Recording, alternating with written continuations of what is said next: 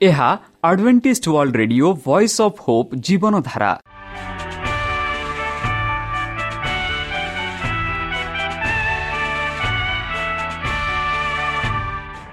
Odia radio କାର୍ଯ୍ୟକ୍ରମ ଯାହା ଆମର ଆନ୍ତର୍ଜାତୀୟ ଆଘାତ କେନ୍ଦ୍ରରୁ ପ୍ରସାରଣ କରାଯାଉଛି ପ୍ରତିଦିନ ରାତି ନଅଟା ତିରିଶ ମିନିଟ୍ରେ।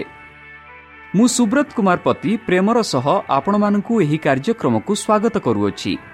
ଚାଲନ୍ତୁ ଆଜିର ତିରିଶ ମିନିଟ୍ର କାର୍ଯ୍ୟକ୍ରମ ବିଷୟରେ ଜାଣିନେବା। ପ୍ରଥମେ ରଖିଛୁ ଆଧ୍ୟାତ୍ମିକ ଭକ୍ତିମୟ ଗୀତ। ଭକ୍ତଙ୍କଠାରୁ ଜୀବନଦାୟକ ଈଶ୍ୱରଙ୍କ ବାକ୍ୟ। ପ୍ରିୟ ଶ୍ରୋତା ତାହେଲେ ଚାଲନ୍ତୁ ଶୁଣିବା ଏକ ଆଧ୍ୟାତ୍ମିକ ଭକ୍ତିମୟ ଗୀତ।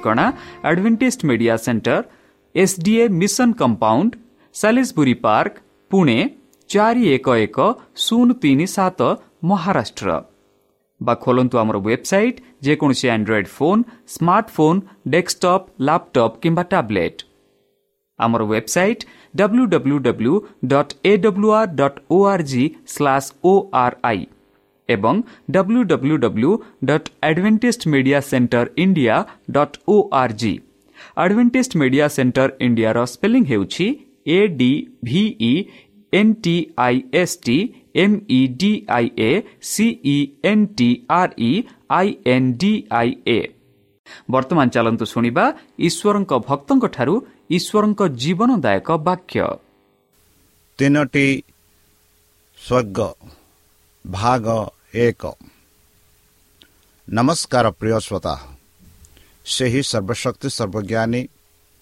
ପ୍ରେମର ସାଗର ଦୟାମୟ ଅନ୍ତର୍ଜମୀ ଅନୁଗ୍ରହ ପରମ ପିତାଙ୍କ ମଧୁର ନାମରେ ମୁଁ ପାଷ୍ଟର ପୂର୍ଣ୍ଣଚନ୍ଦ୍ର ଆଉ ଥରେ ଆପଣମାନଙ୍କୁ ଏହି କାର୍ଯ୍ୟକ୍ରମରେ ସ୍ୱାଗତ କରୁଅଛି। ସେହି ସର୍ବଶକ୍ତି ପରମେଶ୍ୱର ଆପଣମାନଙ୍କୁ ଆଶୀର୍ବାଦ କରନ୍ତୁ।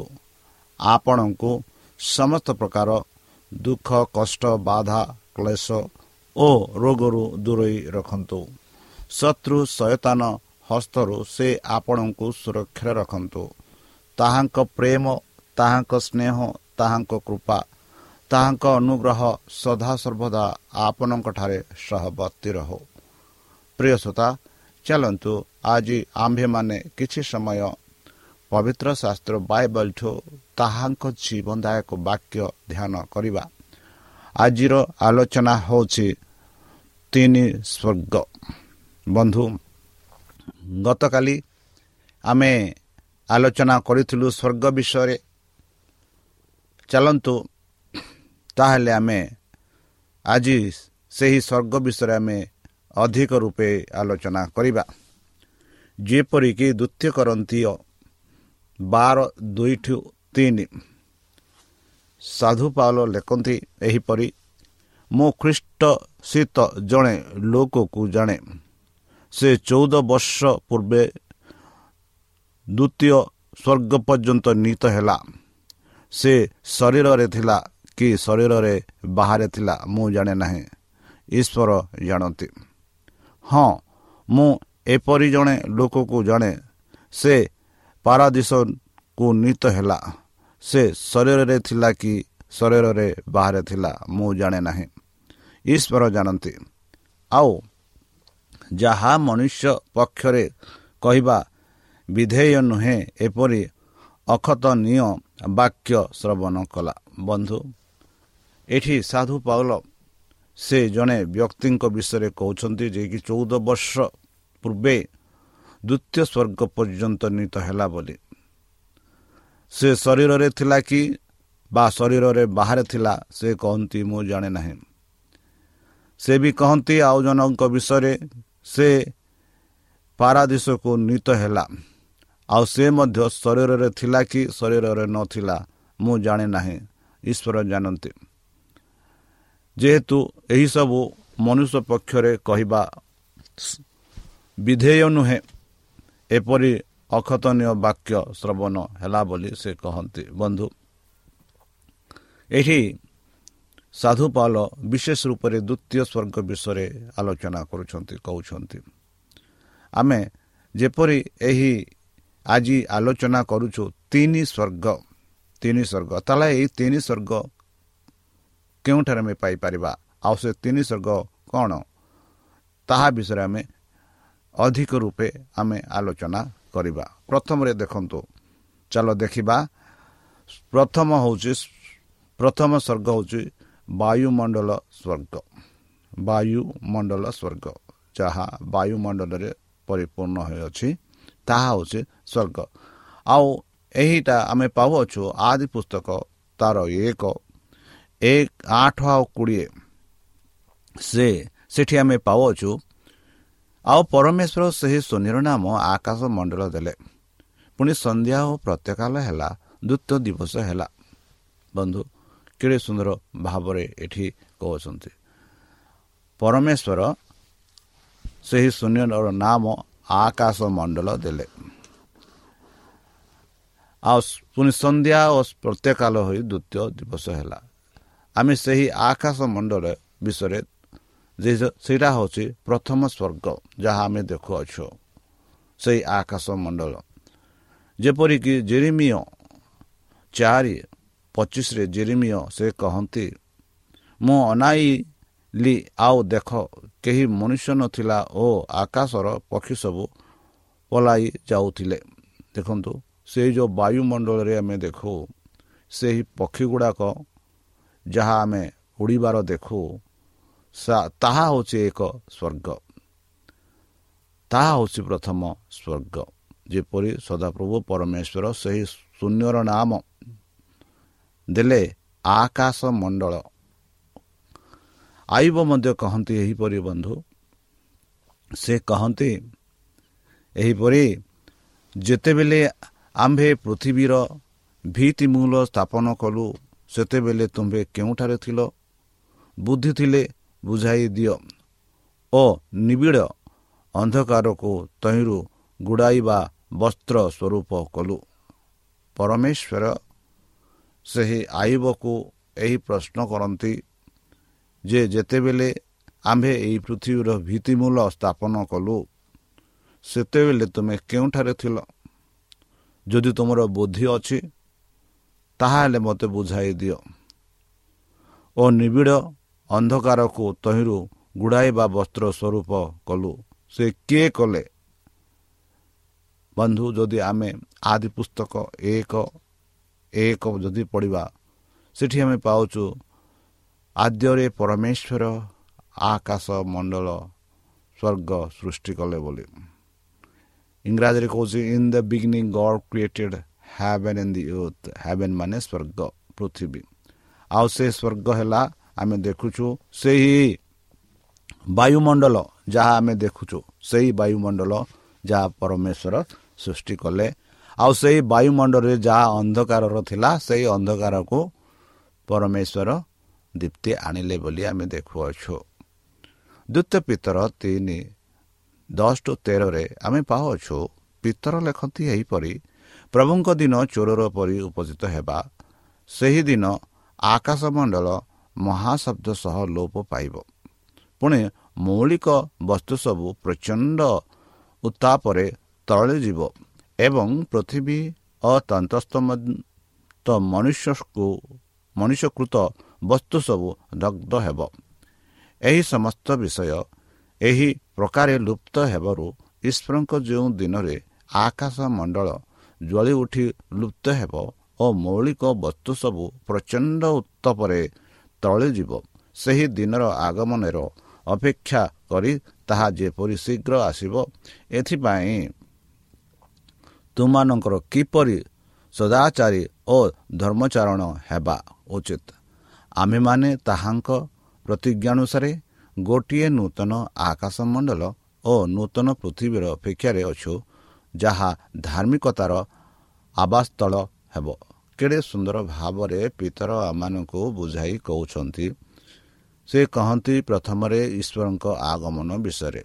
ଆଉ ସେହି ଦିନରେ କ'ଣ ହୁଏ କି ମହାଶବ୍ଦ ଆକାଶମଣ୍ଡଳ ଏକ ମହାଶବ୍ଦରେ ଲୋପ ପାଇବ ମାନେ ଆଉ ରହିବ ନାହିଁ। ଆଉ ଯେତେ ଜିନିଷ ମୌଳିକ ବସ୍ତୁ ସବୁ ଅଛି ଏହି ପୃଥିବୀରେ ଏକ ପ୍ରଚଣ୍ଡ ଉତ୍ତାପରେ ସେସବୁ ତଳିଯିବ ଏବଂ ପୃଥିବୀର ତନ୍ତସ୍ଥ ମନୁଷ୍ୟକୃତ ବସ୍ତୁ ସବୁ ଦଗ୍ଧ ହେବ ମନୁଷ୍ୟକୃତ ମାନେ ଯାହା ଯାହା ମନୁଷ୍ୟଙ୍କ ଦ୍ୱାରା କରାଯାଇଅଛି ଯାହା ଯାହା ମନୁଷ୍ୟ କରିଛନ୍ତି ସେହି ସବୁ କ'ଣ ହେବ? ତରଳି ଯିବ ନଷ୍ଟ ହୋଇଯିବ ଦଗ୍ଧ ହୋଇଯିବ ବୋଲି ଆମେ ଦେଖୁଅଛୁ। ଯେହେତୁ ଈଶ୍ୱର ସେହି ସମୟରେ ସେହି ଆକାଶ ମଣ୍ଡଳ ଯାହା ସେ ସୃଷ୍ଟି କରିଥିଲେ ସେହି ଆକାଶ ମଣ୍ଡଳ ଏକ ମହାଶବ୍ଦରେ ଲୋପ ହେବ ବୋଲି ଆମେ ଦେଖାଉଛୁ ଯାହାକି ଆମେ ପ୍ରଥମ ସ୍ୱର୍ଗ ବିଷୟରେ। ଏହି ସମସ୍ତ ବିଷୟ ଏହି ପ୍ରକାର ଲୁପ୍ତ ହେବାରୁ ଈଶ୍ୱରଙ୍କ ଯେଉଁ ଦିନରେ ଆକାଶ ମଣ୍ଡଳ ଜଳି ଉଠି ଲୁପ୍ତ ହେବ ଦେଖନ୍ତୁ ଈଶ୍ୱରଙ୍କର ଆଗମନ। ଈଶ୍ୱରଙ୍କର ଏହି ସମସ୍ତ ବିଷୟ ଏହି ପ୍ରକାର ଲୁପ୍ତ ହେବାରୁ ଈଶ୍ୱରଙ୍କ ଯେଉଁ ଦିନରେ ଆକାଶ ମଣ୍ଡଳ ଜଳି ଉଠି ଲୁପ୍ତ ହେବ ଓ ମୌଳିକ ବସ୍ତୁ ସବୁ ପ୍ରଚଣ୍ଡ। ଉତ୍ତାପରେ ତଳିଯିବ। ମୌଳିକ ଯାହା ଆମେ କହୁଛୁ କେମିକାଲ୍ସ ମିନେରାଲ୍ସ ଇଂରାଜୀରେ ମିନେରାଲ୍ସ କହୁଛୁ ସେହି ସବୁ ମୌଳିକ ସବୁ ବସ୍ତୁ ସବୁ ପ୍ରଚଣ୍ଡ ପ୍ରଚଣ୍ଡ ମାନେ ବହୁତ ବହୁତ ଉତ୍ତାପରେ ସେହି ସବୁ ତଳିଯିବ।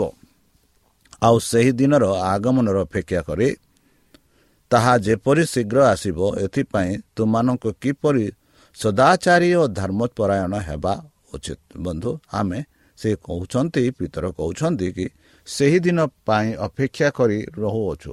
ଯେପରି ସେହି ଦିନ ଆସିଲେ ଆମମାନଙ୍କୁ ଏହା ସୂଚାଇ ଦେବ ଯେ ଯୀଶୁଖ୍ରୀଷ୍ଟଙ୍କ ଆଗମନ ବହୁତ ସହ ନିକଟ ଯୀଶୁଖ୍ରୀଷ୍ଟ ଆସୁଅଛନ୍ତି।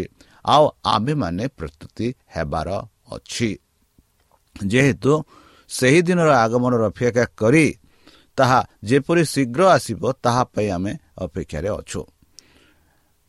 ଏଥିପାଇଁ ତୁମମାନଙ୍କୁ କିପରି ସଦାଚାରୀ ଓ ଧର୍ମ ପରାୟଣ ହେବା ଉଚିତ ମାନେ ସେ ସବୁ ଘଟିବା ପାଇଁ ଆମେ ସଦାଚାରୀ ଓ ଧର୍ମପରାୟଣ ହେବା ଉଚିତ ଧର୍ମ ରୂପରେ ରହିବା ଉଚିତ ପରମେଶ୍ୱରଙ୍କ ବାକ୍ୟ ମାନିବା ଉଚିତ ତାହାଙ୍କ ଆଜ୍ଞା ମାନିବା ଉଚିତ ଯେହେତୁ ସେ କହନ୍ତି ଆମେମାନେ ତାହାଙ୍କ ପ୍ରତିଜ୍ଞା ଅନୁସାରେ ଗୋଟିଏ ନୂତନ ଆକାଶ ମଣ୍ଡଳ ଓ ନୂତନ ପୃଥିବୀର ଅପେକ୍ଷାରେ ଅଛୁ ଯାହା ଧାର୍ମିକତାର ଆବାସସ୍ଥଳ ହେବ।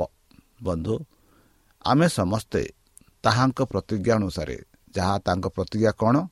ଏକ ନୂଆ ପୃଥିବୀ ଏକ ନୂଆ ସ୍ୱର୍ଗ। ଯେଉଁଠାରେ ସେହି ଧାର୍ମିକମାନେ ବାସ କରିବେ ଯେଉଁଠାରେ ସଦାପ୍ରଭୁ ବାସ କରିବେ ଯେଉଁଠାରେ ଯୀଶୁଖ୍ରୀଷ୍ଟ ବାସ କରିବେ ଯେଉଁଠାରେ ଦୂତମାନେ ବାସ କରିବେ ଆଉ ଯେଉଁଠାରେ ଧାର୍ମିକ ଲୋକମାନେ ବାସ କରିବେ ସେହି ସ୍ଥାନ ପାଇଁ ଆମେ ଅପେକ୍ଷାରେ ଅଛୁ। ଏଥିଯୋଗୁଁ ପାଉଲ ପିତର ଲେଖନ୍ତି ଏଠି କି ଆମେମାନେ ତାହାଙ୍କ ପ୍ରତିଜ୍ଞା ଅନୁସାରେ ଗୋଟିଏ ନୂତନ ଆକାଶ ମଣ୍ଡଳ ଓ ନୂତନ ପୃଥିବୀର ଅପେକ୍ଷାରେ ଅଛୁ ଯାହା ଧାର୍ମିକତାର ଅବାସ୍ଥଳ ହେବ। ଏହା ସେ କହୁଛନ୍ତି। ତାହେଲେ ଆମେ ଦେଖିଲୁ ପ୍ରଥମ ସ୍ୱର୍ଗ। ତାହେଲେ ଦ୍ୱିତୀୟ ସ୍ୱର୍ଗ କ'ଣ? ଦ୍ୱିତୀୟ ସ୍ୱର୍ଗ ନିକସ୍ତସ୍କ ବା ତାରା ସ୍ୱର୍ଗ ବା ନକ୍ଷତ୍ର ସ୍ୱର୍ଗ ବା ତାରା ସ୍ୱର୍ଗ। ବନ୍ଧୁ ଆମେ ଦେଖୁଅଛୁ ପରମେଶ୍ୱର ଯେବେ ଏହି ପୃଥିବୀକୁ ସୃଷ୍ଟି କଲେ। ସେ ସୃଷ୍ଟି କଲା ପରେ ଆମେ ଦେଖୁଅଛୁ ଚତୁର୍ଥ ଦିନରେ ପରମେଶ୍ୱର ସେହି ଆକାଶରେ ଭିନ୍ନ ଭିନ୍ନ ଆକାରର ତାରା ଗୁଡ଼ାକ ସୃଷ୍ଟି କଲେ ଯାହା ଆମ ଚକ୍ଷୁଠୁ ବହୁତ ଦୂରେ ଅଛି। ଆଉ ତାହା ହେଉଛି ଦ୍ୱିତୀୟ ସ୍ୱର୍ଗ। ତାହା ହେଉଛି ଦ୍ୱିତୀୟ ସ୍ୱର୍ଗ ଯେଉଁଠାରେ ତାରା ଗୁଡ଼ାକ ରହନ୍ତି। ଗୀତ ସଂହିତା ଉଣେଇଶ ଏକରେ ଆମେ ଦେଖୁଅଛୁ କି ଆକାଶ ମଣ୍ଡଳ ପରମେଶ୍ୱରଙ୍କ ଗୌରବ ବର୍ଣ୍ଣନା କରେ। ଶୂନ୍ୟ ମଣ୍ଡଳ ତାହାଙ୍କ ହସ୍ତକୃତ କର୍ମ ପ୍ରକାଶ କରେ। ଯାହା ଶୂନ୍ୟ ମଣ୍ଡଳ ଯାହା ଆମେ କହୁଛୁ ତାରା ସ୍ୱର୍ଗ ବା ନକ୍ଷତ୍ର ସ୍ୱର୍ଗ ସେ ଶୂନ୍ୟ ମଣ୍ଡଳ ହସ୍ତକୃତ କର୍ମ ପ୍ରକାଶ କରେ। ଯେଉଁ ତାରା ଗୁଡ଼ାକ ଆମେ ବର୍ତ୍ତମାନ ରାତି ସମୟରେ ଦେଖୁ ଯେଉଁ ତାରା ଗୁଡ଼ାକ ଏତେ ଉଜ୍ଜଳ ରୂପେ ସେହି ପରମେଶ୍ୱରଙ୍କ ପ୍ରଶଂସା କରି ଦର୍ଶାନ୍ତି ସେହିସବୁ ଈଶ୍ୱରଙ୍କର ହସ୍ତକୃତ କର୍ମ। ଆଉ ସେହିସବୁ ତାଙ୍କ କାର୍ଯ୍ୟକୁ ପ୍ରକାଶ କରୁଅଛନ୍ତି ବୋଲି ଗୀତ ଲେଖକ ଲେଖୁଅଛନ୍ତି। ଗୀତ ସଂଗୀତା ଆଠ ତିନି ଚାରିରେ ଆମେ ପାଉଅଛୁ ମୁଁ ତୁମ ଅଙ୍ଗୁଳିକୃତ ତୁମ୍ଭ ଆକାଶମଣ୍ଡଳ ତୁମର ନିରୂପିତ ଚନ୍ଦ୍ର ଓ ନକ୍ଷତ୍ର ଗଣକୁ ବିବେଚନା କଲେ। କହେ ମନୁଷ୍ୟ କିଏ ଯେ ତୁମେ ତାହା ବିଷୟରେ ମନୋଯୋଗୀ ହେଉଅଛ? ଓ ମନୁଷ୍ୟର ସନ୍ତାନ କିଏ ଯେ ତୁମେ ତାହାର ତତ୍ଵଧାନ କରୁଅଛ? କେଡ଼େ ସୁନ୍ଦର ଭାବରେ ଗୀତ ଲେଖକ ଲେଖନ୍ତି କି ଯେଉଁ ନକ୍ଷତ୍ର ଗଣକୁ ଯେଉଁ ଚନ୍ଦ୍ର ଯେଉଁ ସୂର୍ଯ୍ୟ ଯାହା ଆକାଶ ମଣ୍ଡଳରେ ଥୋଇଅଛ ଆଉ ସେହି ସବୁ ତୁମର ପ୍ରଶଂସା କରୁଅଛି। ଆଉ ମନୁଷ୍ୟ କିଏ? ତାହା ବିଷୟରେ ତୁମେ ମନୋଯୋଗୀ ହେଉଅଛ ବୋଲି ଗୀତ ଲେଖକ ପରମେଶ୍ୱରଙ୍କ ସହ କଥାବାର୍ତ୍ତା କରୁଛନ୍ତି। ମନୁଷ୍ୟର ସନ୍ତାନ କିଏ ଯେ ତୁମେ ତାହାର ତତ୍ଵଧାନ କରୁଅଛ ବୋଲି ସେ ପରମେଶ୍ୱରଙ୍କୁ ପଚାରୁଛନ୍ତି। ବନ୍ଧୁ ଦ୍ୱିତୀୟ କରନ୍ତି ବାର ଚାରିରେ ଆମେ ପାଉ ଆଉ ଯାହା ମନୁଷ୍ୟର ପକ୍ଷରେ କହିବା ବିଧେୟ ନୁହେଁ। ଏପରି ଅକଥନୀୟ ବାକ୍ୟ ଶ୍ରବଣ କଲା ବନ୍ଧୁ ଯେବେ ଆମେ ସେହି ତାରା ଗୁଡ଼ାକ ଦେଖୁ ଯେବେ ସେହି ଶୂନ୍ୟ ଆକାଶ ମଣ୍ଡଳକୁ ଦେଖୁ ମଣିଷ ଦ୍ୱାରା ଆମେ କହିପାରିବା ନାହିଁ। ଏଇଟା ମଣିଷ ଦ୍ୱାରା ବିଧେୟ ନୁହେଁ। ପ୍ରଥମ କରନ୍ତି ଦୁଇ ନରେ ସାଧୁ ପାଲ କହନ୍ତି ଏହିପରି କିନ୍ତୁ ଯେପରି ଲେଖା ଅଛି ଚକ୍ଷୁ ଯାହା ଦେଖିନାହିଁ କର୍ଣ୍ଣ ଯାହା ଶୁଣିନାହିଁ ଆଉ ମଣିଷର ହୃଦୟରେ ଯାହା ଜାତ ହୋଇନାହିଁ ଯେ ସମସ୍ତ ବିଷୟ ଈଶ୍ୱର ଆପଣା ପ୍ରେମକାରୀ ଲୋକମାନଙ୍କ ନିମନ୍ତେ ପ୍ରସ୍ତୁତ କରିଅଛନ୍ତି।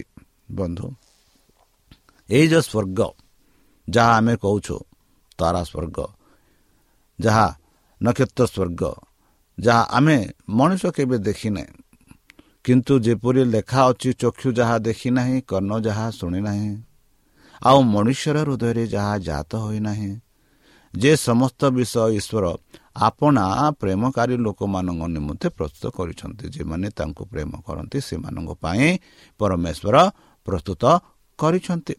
ଲୁକ ତେଇଶ ଚାରିରେ ଆମେ ଦେଖୁ ବନ୍ଧୁ ସେଥିରେ ସେ ତାହାକୁ କହିଲେ ମୁଁ ତୁମକୁ ସତ୍ୟ କହୁଛି ଆଜି ତୁମେ ମୋହର ସହିତ ପାରଦିଶରେ ଉପସ୍ଥିତ ହେବେ। ସେହି ଯେଉଁ ଦ୍ୱିତୀୟ ସ୍ୱର୍ଗ ବିଷୟରେ ଆମେ ଦେଖୁଅଛୁ। ପ୍ରକାଶିତ ଦୁଇ ସାତରେ ଆମେ ପାଉଛୁ। ମଣ୍ଡଳୀଗଣକୁ ଆତ୍ମା କ'ଣ କହନ୍ତି? ଯାହାର କର୍ଣ୍ଣ ଅଛି ସେ ତାହା ଶୁଣୁ। ସେ ଜୟ କରେ ତାହାକୁ ଆମେ ଈଶ୍ୱରଙ୍କ ପାରାଦିଶରେ ଥିବା ଜୀବନ ବୃକ୍ଷର ଫଳ ଖାଇବାକୁ ଦେବା। ବନ୍ଧୁ ପ୍ରକାଶିତ ବାଇଶ ଏକ ଦୁଇରେ ଆମେ ପାଉ ପରେ ସେ ମୋତେ ଜୀବନଦାୟକ ଜଳର ଗୋଟିଏ ନଦୀ ଦେଖାଇଲେ। ତାହା ସ୍ୱତଟିକ ସଦୃଶ ଉଜ୍ଜଳ ପୁଣି ଈଶ୍ୱର ଓ ମେଷ ଶାବକ ସିଂହାସନ ନିର୍ଘର ହୋଇ ନଗର ପଥ ମଧ୍ୟ ଦେଇ ପ୍ରବାହିତ ହୋଇଅଛନ୍ତି। ବନ୍ଧୁ ଏଇ ଯେଉଁ ପ୍ରକାଶିତ ସାତ ଦୁଇ ସାତ ବାଇଶ ଏକ ଟୁ ତିନି ଦୁଇ ଆମେ ପଢ଼ୁଅଛୁ। ଏହା ଆମେ ଈଶ୍ୱରଙ୍କର ପ୍ରାକୃତ ସ୍ୱର୍ଗ ବିଷୟରେ ଆମେ କହୁ ଦେଖୁଅଛୁ। ଆମେ ପ୍ରଥମ ସ୍ୱର୍ଗ ଦେଖିଲୁ ଦ୍ୱିତୀୟ ସ୍ୱର୍ଗ ଦେଖିଲୁ ଯାହାକି ତାରା ସ୍ୱର୍ଗ ଦେଖିଲୁ ଆଉ ତୃତୀୟ ସ୍ୱର୍ଗରେ ଆମେ ଦେଖୁଅଛୁ କି ଈଶ୍ୱରଙ୍କ ବିଶେଷ ସ୍ୱର୍ଗ ଯେଉଁଠିକି ଜୀବନଦାୟକ ଜଳ ନଦୀ ଅଛି ଜୀବନଦାୟକ ବୃକ୍ଷ ଅଛନ୍ତି ଅଛି ଯେଉଁଠାରେ ସେହି ପରିତ୍ରାଣୀ ଲୋକମାନେ ଯେଉଁମାନେ ପରିତ୍ରାଣ ଲାଭ କରୁଛନ୍ତି ସେମାନେ ସେହି ନଦୀର ଜଳ ପ୍ରାପ୍ତ କରିପାରିବେ ଅନୁଭବ କରିପାରିବେ ଯେପରି ପ୍ରକାଶିତ ବାଇଶ ଏକ ଦୁଇରେ ଆମେ ପାଉ। ପରେ ସେ ସେମାନେ ମୋତେ ଜୀବନଦାୟକ ଜଳର ଗୋଟିଏ ନଦୀ ଦେଖାଇଲେ। ତାହା ସଠିକ ସଦସ୍ୟ ଉଜ୍ଜଳ ପୁଣି ଈଶ୍ୱର ଓ ମେଷ ଶାବକଙ୍କ ସିଂହାସନରୁ ନିର୍ଗତ ହୋଇ ନଗରର ପଥ ମଧ୍ୟ ଦେଇ ପ୍ରବାହିତ ହେଉଅଛି ସେହି ନଦୀର ଉଭୟ ପାର୍ଶ୍ୱରେ ଦ୍ୱାଦଶ ଥର ଫଳଦାୟକ ଜୀବନ ବୃକ୍ଷ ଅଛି। ସେଥିରେ ପ୍ରତି ମାସର ଫଳ ଫଲେ ପୁଣି ସେହି ବୃକ୍ଷର ପତ୍ର ଜାତି ସମୂହର ଆରୋଗ୍ୟକାରକ। ବନ୍ଧୁ ଏହି ବିଷୟରେ ମୁଁ ଗତକାଲି ଆର ପୂର୍ବେ ମୁଁ କହିସାରିଛି। ତାହେଲେ ତାହେଲେ ଚାଲନ୍ତୁ ଆମେ ଆଗକୁ ବଢ଼ିବା। ପ୍ରକାଶିତ ଏକୋଇଶ ବାର। ତାହାର ଗୋଟିଏ ବୃହତ ଓ ଉଚ୍ଚ ପ୍ରାଚୀର ଅଛି। ସେଥିରେ ଦ୍ୱାଦଶ ଦ୍ୱାର ସେହି ଦ୍ୱାରର ଦ୍ୱାଦଶ ଦୂତ ଓ ଦ୍ୱାର ସମୂହରେ ଉପରେ ଇସ୍ରାଏଲ ସନ୍ତାନମାନଙ୍କ ଦ୍ୱାଦଶ ବଂଶର ନାମ ଲିଖିତ ଅଛି। ଯେବେ ଆମେ ସ୍ୱର୍ଗରାଜକୁ ଯିବା ସେହି ପ୍ରାଚୀର ସେଠି ଆମେ ଦେଖୁଛୁ ଉଚ୍ଚ ଉଚ୍ଚ ପ୍ରଚୁର। ସେଥିରେ ସେହି ଦ୍ୱାଦେଶ ମାନେ ବାର ଜଣଙ୍କ ବାରଟା ଦ୍ୱାର ଅଛି। ସେହି ଦ୍ୱାରରେ ବାରଟା ଦୂତ ଅଛନ୍ତି। ଆଉ ସେ ଦ୍ୱାର ସମୂହ ଉପରେ ବାର ଇସ୍ରାଏଲଙ୍କ ବଂଶଙ୍କ ନାମ ଲେଖା ଅଛି ବୋଲି ଆମେ ପାଉଅଛୁ। ଏଭ୍ରି ପାଞ୍ଚ ନଅରେ ଆମେ ଦେଖୁ ପୁଣି ସିଦ୍ଧ ହୋଇ ନିଜ ଆଜ୍ଞାକାରୀମାନଙ୍କ ପ୍ରତି ଅନ ପରିତ୍ରାଣର କାରଣ ସ୍ୱରୂପ ହେଲନ୍ତେ। ବନ୍ଧୁ ଯେତେ ଲୋକ ତାହାଙ୍କଠାରେ ବିଶ୍ୱାସ କରୁଛନ୍ତି ଯେତେ ଲୋକ ବିଶ୍ୱାସ କରିନାହାନ୍ତି ସେମାନେ ତ ସ୍ୱର୍ଗରାଜ ଯିବେ ନାହିଁ ଆଉ ଯେତେ ଲୋକ ବିଶ୍ୱାସ କରୁଛନ୍ତି ଆଉ ତାଙ୍କଠାରେ ବିଶ୍ୱାସ କରିଛନ୍ତି ଆଉ ମୃତ୍ୟୁ ହୋଇଛନ୍ତି ସେମାନେ ଏହି ପ୍ରାଚୀରୀ ଏହି ଫାଟକ ଦେଇ ସ୍ୱର୍ଗକୁ ପ୍ରବେଶ କରିବେ। ଦ୍ୱିତୀୟ ତିମତି। ଦ୍ୱିତୀୟ ତିମତି ଚାରି ଛଅ ଆଠ। କାରଣ ଏବେ ହେଁ ମୋର ପ୍ରାଣ ଆହୁରି ପରି ଢଳା ଯାଉଅଛି ମୋର ମହାପ୍ରାୟନ ସମୟ ଉପସ୍ଥିତ ମୁଁ ଉତ୍ତମ ଯୁଦ୍ଧରେ ପ୍ରାଣ କରିଅଛି। ନିରୂପିତ ପଥରେ ଶେଷ ପର୍ଯ୍ୟନ୍ତ ଦୌଡ଼ିଅଛି। ମୁଁ ବିଶ୍ୱାସ ରକ୍ଷା କରିଅଛି। ଆଦ୍ୟବଧି ମୋ ନିମନ୍ତେ ଧାର୍ମିକତାର ମୁକୁଟ ରଖାଯାଇଅଛି ତାହା ସେହି ମହାନଦୀରେ ନ୍ୟାୟବାନ ବିଚାରକର୍ତ୍ତା ପ୍ରଭୁ ମୋତେ ଦେବେ। ପୁଣି କେବଳ ମୋତେ ନୁହେଁ ମାତ୍ର ଯେତେ ଲୋକ ତାହାଙ୍କ ଆଗମନକୁ ପ୍ରିୟ ଜ୍ଞାନ କରନ୍ତି ସେମାନଙ୍କୁ ଦେବେ। ବନ୍ଧୁ ଯେତେ ଲୋକ ତାହାଙ୍କ ବାକ୍ୟକୁ ବାକ୍ୟକୁ ମାନିଛନ୍ତି ତାଙ୍କ ଆଜ୍ଞା ମାନିଛନ୍ତି ସେ ସମସ୍ତଙ୍କୁ ସେହି ଯ ସୁଯୋଗ ଦେବେ। ସେହି ଜୀବନଦାୟକର ବୃକ୍ଷର ଫଳ ଖାଇବେ ସେହି ଜୀବନଦାୟକ ଜଳ ପିଇବେ। କେଡ଼େ ସୁନ୍ଦର ଅନୁଭବ ବନ୍ଧୁ। ତାହେଲେ ଚାଲନ୍ତୁ ସେହି ଯୀଶୁଖ୍ରୀଷ୍ଟ ଯିଏକି ଆମମାନଙ୍କ ପାଇଁ ଏହିସବୁ ପ୍ରସ୍ତୁତ କରିଛନ୍ତି ତାହା ଅନୁଭବ କରିବା ପାଇଁ ଯଦି ଆମେ ନିଜକୁ ପ୍ରସ୍ତୁତ କରୁଛୁ ତାହେଲେ ଆଜି ହିଁ ସେହି ସମୟ। ନିଜକୁ ସମର୍ପଣ କରି ତାହାଙ୍କ ଠାରେ ନିଜକୁ ପାପ ନିଜ ପାପ ସ୍ୱୀକାର କରି ତାଙ୍କଠାରେ ସମର୍ପଣ କରିଦିଅନ୍ତୁ। ଆଉ ଚାଲନ୍ତୁ ବନ୍ଧୁ ତାଙ୍କ ମଧୁର ନାମରେ ଆମେ ପ୍ରାର୍ଥନା କରିବା। ହେ ଆମ୍ଭମାନଙ୍କ ସ୍ୱର୍ଗଶକ୍ତି ସର୍ବଜ୍ଞାନୀ ପ୍ରେମର ସାଗର ଦୟାମୟ ଅନ୍ତର୍ଜମୀ ଅନୁଗ୍ରହ ପରମ ପିତା ଧନ୍ୟବାଦ ଅର୍ପଣ କରୁଛୁ ପ୍ରଭୁ ବର୍ତ୍ତମାନ ଯେଉଁ ବାକ୍ୟ ତୁମ ସେହି ଭକ୍ତମାନଙ୍କୁ ଶୁଣାଇଲେ ସେହି ବାକ୍ୟ ଅନୁସାରେ ଏମାନଙ୍କୁ ଚାଲିବା ପାଇଁ ବୁଦ୍ଧିରେ ଜ୍ଞାନରେ ଶକ୍ତିରେ ପରିପୂର୍ଣ୍ଣ କର। ଆମ ପାପ ସବୁ ତୁମ ସେହି ବହୁମୂଲ୍ୟ ରକ୍ତରେ ପରିଷ୍କାର ରୂପେ ଧୋଇଦିଅ। ଆଉ ପରିଶେଷ ଯେବେ ତୁମେ ତୁମ ସେହି ସହସ୍ରଦୂତଙ୍କ ସହ ଆସିବେ ସେତେବେଳେ ଆମମାନଙ୍କୁ ଏକ ବାସସ୍ଥାନ ଦେବ ବୋଲି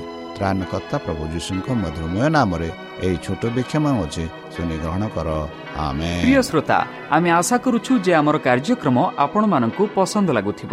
ଆପଣଙ୍କର ମତାମତ ଜଣାଇବା ପାଇଁ ଆମର ଏହି ଠିକଣାରେ ଯୋଗାଯୋଗ କରନ୍ତୁ। ଆମ ଠିକଣା Adventist Media Center SDA Mission Compound Salisbury Park Pune ଚାରି ଏକ ଏକ ଶୂନ ତିନି ସାତ ମହାରାଷ୍ଟ୍ର।